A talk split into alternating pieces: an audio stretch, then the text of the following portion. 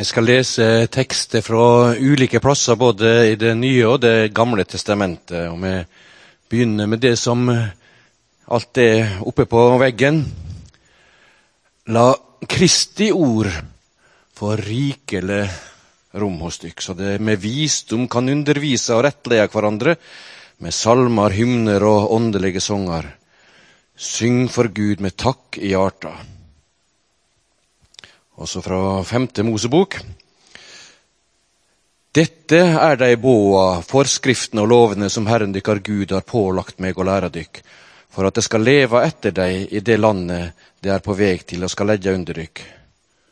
Du skal frykte Herren din Gud så lenge du lever, og holde alle båa og forskriftene hans som jeg gjev deg, både du og sønnen din og sønnesønnen din, og du skal få et langt liv. Hør da, Israel, legg vind på å leve etter deg. Da skal det gå deg vel. Det skal bli tallrike, slik som Herren din fedrers Gud har lova deg, i et land som fløymer med mjølk og honning. Høyr, Israel, Herren er vår Gud, Herren er ein. Du skal elske Herren din Gud av hele ditt hjerte, av hele din sjel og av all din makt. Disse orda som jeg byr deg i dag, skal du gjøyme i hjertet ditt. Du skal innprente dei i barna dine og snakke om dei når du sitter hjemme og når du går på vegen, når du legger deg og når du står opp. Du skal binde dei om handa di som ei teikn og bære dei på panna som et merke. Du skal skrive dei på dørstolpene i huset ditt og på portene dine. Så leser vi fra Paulus et brev til Timotius. Paulus, Kristi Jesu apostel etter Guds vilje, utsendt med lovnaden om liv i Kristus Jesus, hilser Timotius, mitt kjære barn. Nåde, miskunn og fred fra Gud, vår Far, og Kristus Jesus, vår Herre. Med takk til Gud, som jeg tjener med rent samvitt, slik fedrene mine gjorde, husker jeg stadig på deg, natt og dag i bønene mine. Jeg husker tårene dine, jeg lengter etter å få se det att. Det ville fylle meg med glede. Jeg tek på nytt fram i minnet den ærlige trua di, som først bodde i Louis, mormor di, og i Evnike, mor di. Jeg er viss på at hun bor i deg òg. Men hold du fast på det du har lært og har overtydd om. Du veit hvem du har lært av, og helt fra du var et lite barn, har du kjent de hellige skriftene, som kan gi deg visdom til frelse ved trua på Kristus Jesus. Hver bok i Skrifta er innanda av Gud, og til nytte i opplæring, formaning, rettleding, oppseing i rettferd, så det mennesket som hører Gud til, kan bli fullt utrusta til all god gjerning. Slik lyder Herrens ord. Heldig han Timotius. Han hadde blitt innført i de hellige skriftene helt fra han var et lite barn. Det er noen av oss som har vært heldige og fått med oss mye fra Bibelen tidlig. Det skal vi være glad for. Og så er det andre som har fått en bibel seinere i livet. Og vi har forskjellig forhold til denne boka. Dette er min siste bibel. Den er bare en par uker gammel. Kona mi mener nok at jeg har nok bibler hjemme. Men denne her var den siste som kom nå fra Bibelselskapet, studiebibelen. Den måtte jeg ha. Husker jeg min første bibel? Ja. Den første bibelen min det var en, eh, en engelsk, gammel bibel som jeg arva etter faren min. Som jeg aldri leste i, selvfølgelig, men hadde noen morsomme bilder. For jeg syntes det var så urettferdig at ikke jeg skulle ha bibel. og så, var vi ute på skitur, og så sa han at jeg har en bibel som du skal få. Og Så gledde jeg meg hele dagen til vi kom hjem, og så kom den hvite, gamle King James-bibelen da fram. og så Den skulle jeg få lov til å skrive navnet mitt i. Da var jeg bare fire-fem år. Så gikk det noen år til, så fikk jeg en eh, skikkelig bibelbok. Min bibelbok heter den. Med mye bilder og ganske tjukk, med fortellinger fra hele Bibelen. Og Den leste jeg i faktisk ganske mye. Jeg var i et miljø der hvor Bibelen ble, det ble fortalt meg at den her er viktig, denne må du få med deg. Og den boka leste jeg fra perm til perm. For det var en lett bok å lese, og det var litt hver dag. Og jeg syntes dette var gøy. Og så var jeg noen år seinere, sånn i tolvårsalderen, på en leir. Og Da var det ei dame som hadde bibeltime der. og hun, eh, hun brukte rett og slett, hun fortalte ikke bare sånn tematisk, men hun brukte ganske lange bibelfortellinger som hun leste opp. og jeg tror det var fra Apostlenes gjerninger og Paulus sine misjonsreiser. Og så ble jeg litt overraska. fordi at når hun leste fra Apostlenes gjerninger, så hørtes det tilforlatelig ut akkurat sånn som når jeg leste i den bibelboka som jeg hadde holdt på med i flere år. Jeg hadde gått og trodd at Bibelen var skrevet på et veldig tungt og vanskelig språk, så det måtte jeg vente lenge med å begynne å lese. altså originalen, At jeg måtte holde meg til denne barnebibelen. Men det var jo egentlig veldig lett å høre når hun bare leste fra disse fortellingene. Og så oppdaget jeg at Bibelen passer kanskje for ungdommer òg. Og så begynte jeg å lese i den egne Bibelen som jeg etter hvert hadde fått. da. Det kan godt hende at jeg, jeg var litt uh, mer interessert i Bibelen enn andre, men jeg tror også at uh, at det handla litt om å bli introdusert for den tidlig og bli kjent med fortellingene. Sånn som vi forsøker gjennom tidslinjen her for barna som nå er ute, å gjøre dette til en spennende bok som vi forsøker å åpne opp for dem så tidlig som mulig. Men Bibelen ja, den er en skatt, men den oppleves nok som en skjult skatt. Og vi er på skattejakt i dag. Det kan godt hende at mange av dere opplever at uh, den er nok en verdifull bok. og Det er sant at det er en bestselger, så det må jo være noe viktig med denne boka.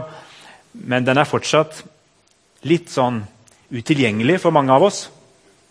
Jeg skal ikke glatte over motsetningene i denne boka. her. Jeg skal ikke si at det er alt som er like lett å forholde seg til og lese. Og det er ikke alt som gir meg noe sånn umiddelbart. Og Jeg har ikke noe behov for å unnskylde Bibelen heller, for Bibelen den, den står på egne bein. Den trenger ikke å unnskyldes eller forsvares av meg. Den klarer seg selv, og den har vist at den står seg over tid. Det var ganske mange som mente at når vi nå kom inn i en mer moderne tidsalder, så ville Bibelen fort bli lagt vekk og glemt. For det var jo bare gamle historier. Og så gjentar det seg gang på gang at nye generasjoner, nye mennesker, gjenoppdager Bibelen. Og den tar jo bare av på salgslistene år etter år etter år. Og de gidder ikke engang å registrere at det er Bibelen som er bestselger verden over. De går rett ned på nummer to, for det er ikke så veldig interessant å gjenta gang på gang at det er Bibelen som selger mest over hele verden. Gang på gang på gang. Folk som trodde at dette var en uttømt skatt, at den var på en måte brukt opp av tidligere generasjoner, en skatt som gikk tom, de lar seg overraske av at det stadig er mer å finne men så er det også et paradoks at Bibelen den har aldri vært mer tilgjengelig enn nå. Med teknologien nå så kan vi laste ned apper på sekunder, og så har vi tilgang ikke bare på Bibelen på norsk, på mange versjoner på norsk, og på alle andre språk. Sånn. Så har vi den der. Det er jo egentlig fantastiske muligheter som ligger i at Bibelen er så lett tilgjengelig nå. Og Samtidig så lurer jeg på om vi samtidig har mista noe av ærbødigheten for Bibelen. Er den framme? Er den synlig? Har vi det som en bok, som, vi, som han sier, en av disse i Bibelselskapet sier, som en skal lukte på og kjenne at det er noe, dette, er, dette er noe mer enn bare en vanlig bok? Får den en synlig plass i hjemmet vårt? Eller gjemmes den bort i bokhylla? Eller forsvinner den blant alle de titalls appene vi en gang lastet ned? Ja, hvor, jeg hadde en bibelapp et eller annet sted her, ja. Men den forsvinner kanskje blant alt det andre vi har. Men Bibelen den er en skatt som er tilgjengelig. Jesaja 45 står det Jeg gjev deg skatter som er løgnde i mørket, og rikdommer gøymde på løgnlige stader, for at du skal kjenne at jeg er Herren, som har kalla deg ved navn, Israels Gud. Hvis Bibelen er en skatt som eh, er blitt åpenbart for oss. Den er en skatt fordi den forteller oss noe om Gud. Så er det ikke en skatt som eh, skal stå til utstilling, men det er en skatt som er brukskunst. Den skal ikke ligge til pynt. Vi hørte lest fra Det gamle testamentet, og da var det om loven som var gitt til israelsfolket. Disse ordene som jeg pålegger deg i dag, skal du bevare i ditt hjerte. Og så skal du gjenta dem for dine barn og snakke om dem når du sitter i ditt hus, og når du går på veien, når du legger deg og når du står opp. Ordene var bruksord. Selv om det her snakkes spesifikt om loven i Det gamle testamentet, og da legger vi kanskje lett til side, så er dette å gjenta og snakke om i huset vårt på veien det er noe som egentlig har fulgt også de kristne i sin bruk av Guds ord. En av nøklene til at Bibelen kommer fram fra skjulte steder, det er rett og slett at vi tar den i bruk. At vi bruker den såpass ofte at vi ikke glemmer hvor vi har lagt den. Det er en eh, som har inspirert meg litt i det siste. og den Boka her til Hans Johan Sagrussen, 'Rik bibelbruk', den anbefales alle å kjøpe og lese. Enkel å lese, men, men, med masse veldig gode tips og forslag til hvordan vi kan fornye bruken av Bibelen i vår tid. Og Han henter masse ideer og fortellinger fra andre deler av verden hvor Bibelen kanskje er enda mer i bruk enn hos oss. Blant annet så har han spennende fortellinger om ting som skjer i Egypt, som er det landet vi støtter misjonsprosjekter i. Kina. Det står ingenting i denne boka om uh, ny og moderne teknologi for hvordan vi kan få lest Bibelen. Det står ingenting om apper. Men han har uh, laget seg et stikkord. Han kaller boka for 'Rik bibelbruk'. Og 'rik' det står også for regelmessig, i står for 'i fellesskap', og K-en står for 'kontinuerlig'. For Han mener at vi må lære av kristne verden over, som fortsatt i dag finner seg en fast sted og en fast tid, og tar fram Bibelen og gjør dette regelmessig. Jeg liker jo ikke så godt ordet 'regelmessig'. det vet dere. Jeg liker mye bedre ordet 'rytme'. Det går an å si at det er det, at for en rytme det er noe som gjentar seg etter en liten stund. Så litt variasjon må vi ha. og Kanskje bytter vi litt på stedene og tidene av og til. Men det er noen gode råd som er gitt gjennom historien på at det er bra å ha en ting som gjentar seg over tid. At du kommer tilbake til det stedet og til det tidspunktet og til den måten for å faktisk gjøre dette til en vane som forandrer oss. I fellesskap det er kanskje det som på en måte er viktigst for oss i Norge å få fatt i. Den i-en for vi har nok en tendens til å lese Bibelen eller Vi er i en tradisjon der vi er vant til at Bibelen det er noe vi har lett tilgjengelig, og som vi sitter med alene og leser. Og Det var bra, men i første veldig store deler av den kristne historie så hadde man ikke egne bibler. Så da leste man Bibelen i fellesskap. Den ble lest høyt, og da brukte man mye mer tid på bare å høre teksten lest enn på en prest som snakket etterpå. Det er en utfordring til oss. Bruker vi veldig kort tid på Bibelen og veldig mye tid på å forklare den? Det utfordres vi på, bl.a. av Hans Johan Sagrusten.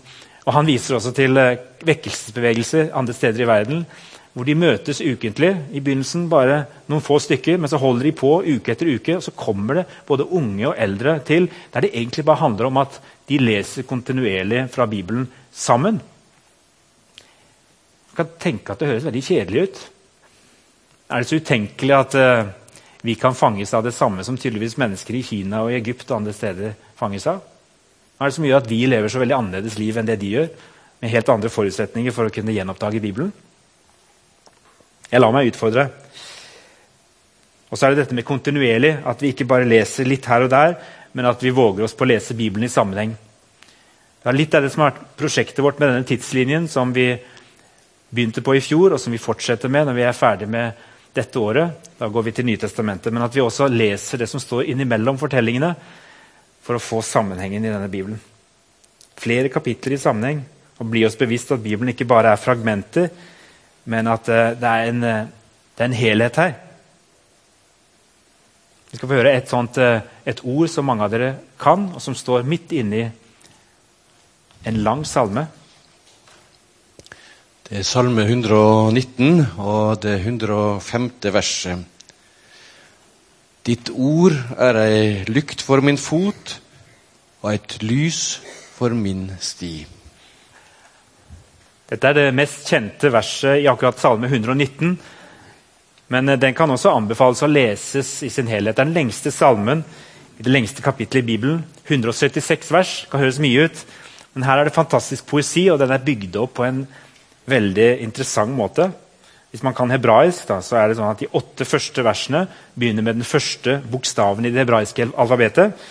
De åtte neste begynner med den andre bokstaven osv. Salmeforfatteren har bygd opp et slags et kosmos i seg sjøl, som også er et uttrykk for at loven er omtrent som det fullkomne skaperverket. En lovprisning av Guds universelle lov og hvordan alt henger sammen som et fullkomment skaperverk. Dette ordet 'rik' det er også inspirert av eh, et spesielt bibelvers som også inspirerte Johannes Kleppe til å begynne bibelbiografi. Vi skal høre litt uh, vitnesbyrdet hans etterpå. Men det er dette verset som har betydd mye for uh, tydeligvis både Johannes og Hans Johan Sagrussen. Og Jeg gikk inn og så, så jeg litt nærmere på akkurat dette bibelverset. La Kristi ord få rikelig rom hos dere. Undervis og rettled hverandre med all visdom. Syng salmer, viser og åndelige sanger til Gud av et takknemlig hjerte. Her skriver Paulus til menigheten i Kolossé. Det var en av de første kristne menighetene. Hva er det han snakker om når han snakker om Kristi ord? Jo, der snakker han om de fire evangeliene om Jesu liv. Alle ordene han sa. Og På denne tida her så var sannsynligvis ikke disse fire evangeliene skrevet og ferdige. Men de hadde kanskje sitat tekster av Jesus som sirkulerte. Men først og fremst var det muntlige overlevering. De fortalte disse fortellingene, og de var allerede tradert. De kunne dem uten at noen leste de, eller fortalte disse evangeliefortellingene. Så blir de seinere skrevet ned. Men Kristi ord refererer tydeligvis til det. Dette er noe dere allerede har. Det må dere gi rikelig rom, sier han. Men så sier han ikke ordene til Kristus, men han sier Kristi ord. Det er sånn, en sånn sluttet enhet. Og Derfor kan det også like gjerne bety budskapet om Kristus. Dette budskapet om Kristus må få rikelig rom hos dere. Det var noe som var velkjent for de han skriver til. Evangeliene det er det vi aldri må bli ferdig med i Bibelen. Michael Frost, en av mine favorittforfattere, han sier at du, du skal jo lese litt i ulike deler av Bibelen, men du skal hele tiden lese i evangeliene. Du skal la deg marinere av evangeliene, sier han. Evangeliene er et annet ord for de fire bøkene som forteller om Jesu liv. Der henter vi på en måte hele tiden ny næring og forståelse til troa vår. Og så kommer alt det andre i tillegg. Og Så sier han 'la dette få rom'. La Kristi ord få rom, sier han i dette verset. Kristi ord. Og Det betyr egentlig 'la det bo i hus hos oss'. Slå seg ned, bli værende men også få plass og rom nok til å trives. Og så skal det være rikelig, og det handler om å ha overflod av. En skatt som er helt utømmelig, og dette skal flyte over hos dere. Ikke bare en krok av huset, men fylle hele huset. Hos dere, sier han. Og Da sier han noe på den ene siden om fellesskapet, at det er hos dere i flertall. Bibelen er ikke først og fremst når jeg med Jesus aleine er, som vi sang i Mathias Orheim sin gamle salme. Men det er, det er, noe vi er i sammen. Også bibellesningen. Det er dette ordet vi skal snakke om, dele med hverandre. Gjennom dette ordet skal vi forholde oss til hverandre. La Kristi ord finnes mellom dere, sier Paulus. Hvordan er det dette med ordet og skattejakten har vært for deg de siste årene, Johannes? Hvordan har ordet i større grad fått rikelig rom hos deg? Jo, det skal jeg si deg. uh, jeg er med i ei cellegruppe her i menigheten. Kaller det gjerne ei smågruppe, ei cellegruppe, bibelgruppe. Det er iallfall et mindre fellesskap som møtes regelmessig og deler liv, og òg har et ønske om å lese i Bibelen sammen. Og For fem år siden hadde vi òg fokus på Bibelen i bymenigheten. På en måte kan en lure på hvor langt vi har kommet siden da. Men eh, jeg håper at om fem år vil vi òg ha fokus på det med Bibelen. For det må vi aldri glemme. Det må vi aldri eh, miste. For det er den, den fremste rikdommen vi har, eh, og kilden til, til, liv og kilden til, til tru i den enkeltes liv og i fellesskapet. Vi hadde iallfall uh, hørt uh, videre eller en annen forkynner her snakke om hvor viktig det var med Bibelen. Og ja, det, det visste vi, og vi var samla. Og så jeg tror jeg leder den samlingen. Vi, vi, rullerer litt på hvem som, som tar ordet og leder samlingene når vi, når vi, er sammen. Og Da var det spørsmålet som vi ikke kunne unngå, var eh, ja, hvordan går det med, med bibellesinga hos den enkelte. Og nå ble det stilt. Og så ble det litt sånn Ja, det var bedre før. En eller annen gang husket jeg når en fikk det til, men nå var det ikke mye å, rope hurra for. Og så tenkte jeg åh, dette har vi vært med på før. En sånn skuffelse av å ikke ha fått det der med Bibelen til. Det tror jeg alle i en eller annen grad eh, kan kjenne seg igjen i. Opp med hånda hvis ikke. Den der 'Å, det skulle ha vært mer' og en sånn Så begynte vi nærmest Summen av det ble egentlig at vi snakka oss ned. Noe som er gitt oss som en gave, ble en sånn en, åh, Igjen må vi forholde oss til det og vårt nederlag. Og så husker jeg sa ganske tydelig ifra, sånn jeg av og til sier i, i gruppa, at kan vi ikke slutte med det der og så minne hverandre om at vi ikke får det til, og heller si fra nå av vil vi være åpne for at Guds ord kan gjøre noe med oss. Ikke tenk for høyt om timer og minutt. Ikke tenk altfor høyt og nøye om metodikk og, og sånn. Men, men, tenk at Guds ord i seg sjøl er det det er, helt uavhengig av oss. Guds ord har kraft og makt til å gjøre noe med oss. Og se stort på hvert et øyeblikk der en kan eksponere seg for Guds ord. Og så var Det sånn, det var iallfall i mine ører og i mitt sinn så var det en sånn oppmuntring. At ok, vi legger skuffelsene bak, og med en forventning om hva Gud vil gjøre eh, i våre liv fram til neste gang vi møtes. Det skulle ikke gå veldig lang tid før jeg, jeg satte meg ned den kvelden og lagde det bildet. Det var noe vi hadde snakket om ganske lenge, om at vi ville ha en eller annen form for Guds ord hengende på veggen hjemme. Og Jeg hadde ikke funnet noe i butikker, ikke hadde leita veldig heller. Men jeg fant ut av at la meg se hva som skjer hvis jeg setter meg ned. Og jeg har alltid vært litt opptatt av grafisk design og sånne ting. Og bildet kom ganske fort. Det ble svart og hvitt, enkelt og greit. Og hvorfor det ble det verset, det må ha vært en gudfeldighet. For eh, når jeg tenkte, når jeg så på verket og tenkte det var godt, så eh, så slo det meg at egentlig har jeg gjort akkurat motsatt av det ordet oppfordrer til. Hvis en ser på det, så har jeg definitivt ikke gitt bokstavene og ordene rikelig plass. Jeg har skvist dem, sånn at det har blitt eh, inndelingsfeil. Og da, på det punktet, så ble det sånn at Guds ord begynte å virke på meg.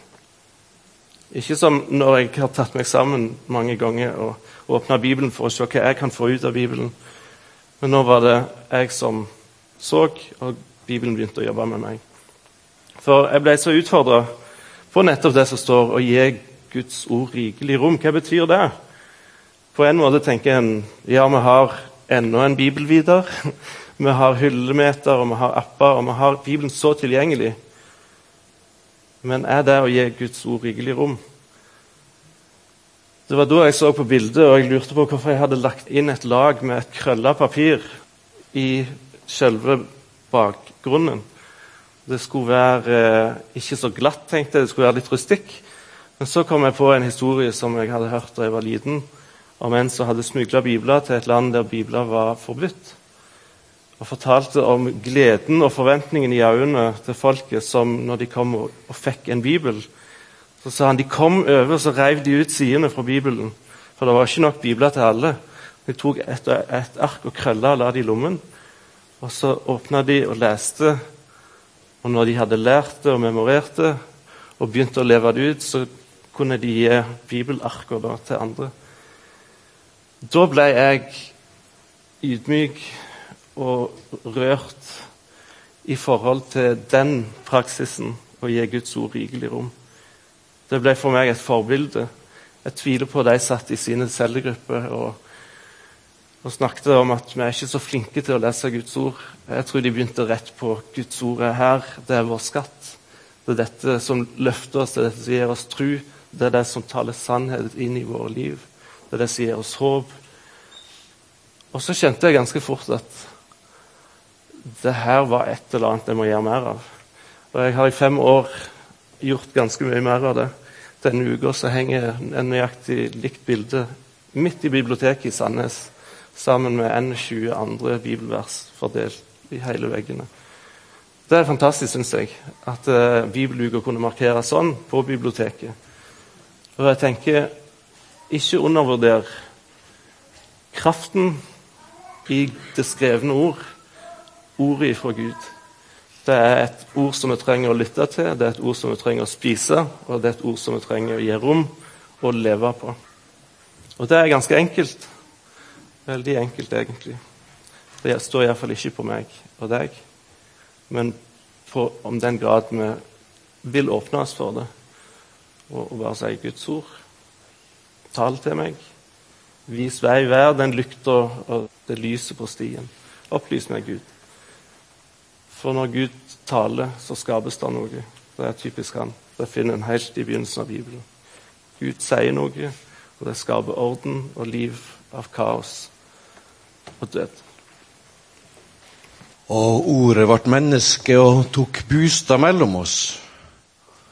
Og vi så hans herligdom, en herligdom som den enbårne sønnen har fra far sin, full av nåde og sanning. Send ditt lys og di sanning, lat dei leie meg og føre meg til ditt heilage fjell, til dine bostader. Jeg inviterer dere til å reise dere. Og skal vi fremsi trosbekjennelsen, som oppsummerer alt det Bibelen sier. Essensen er formulert i denne trosbekjennelsen. Og den sier vi sammen med hele den kristne kirke.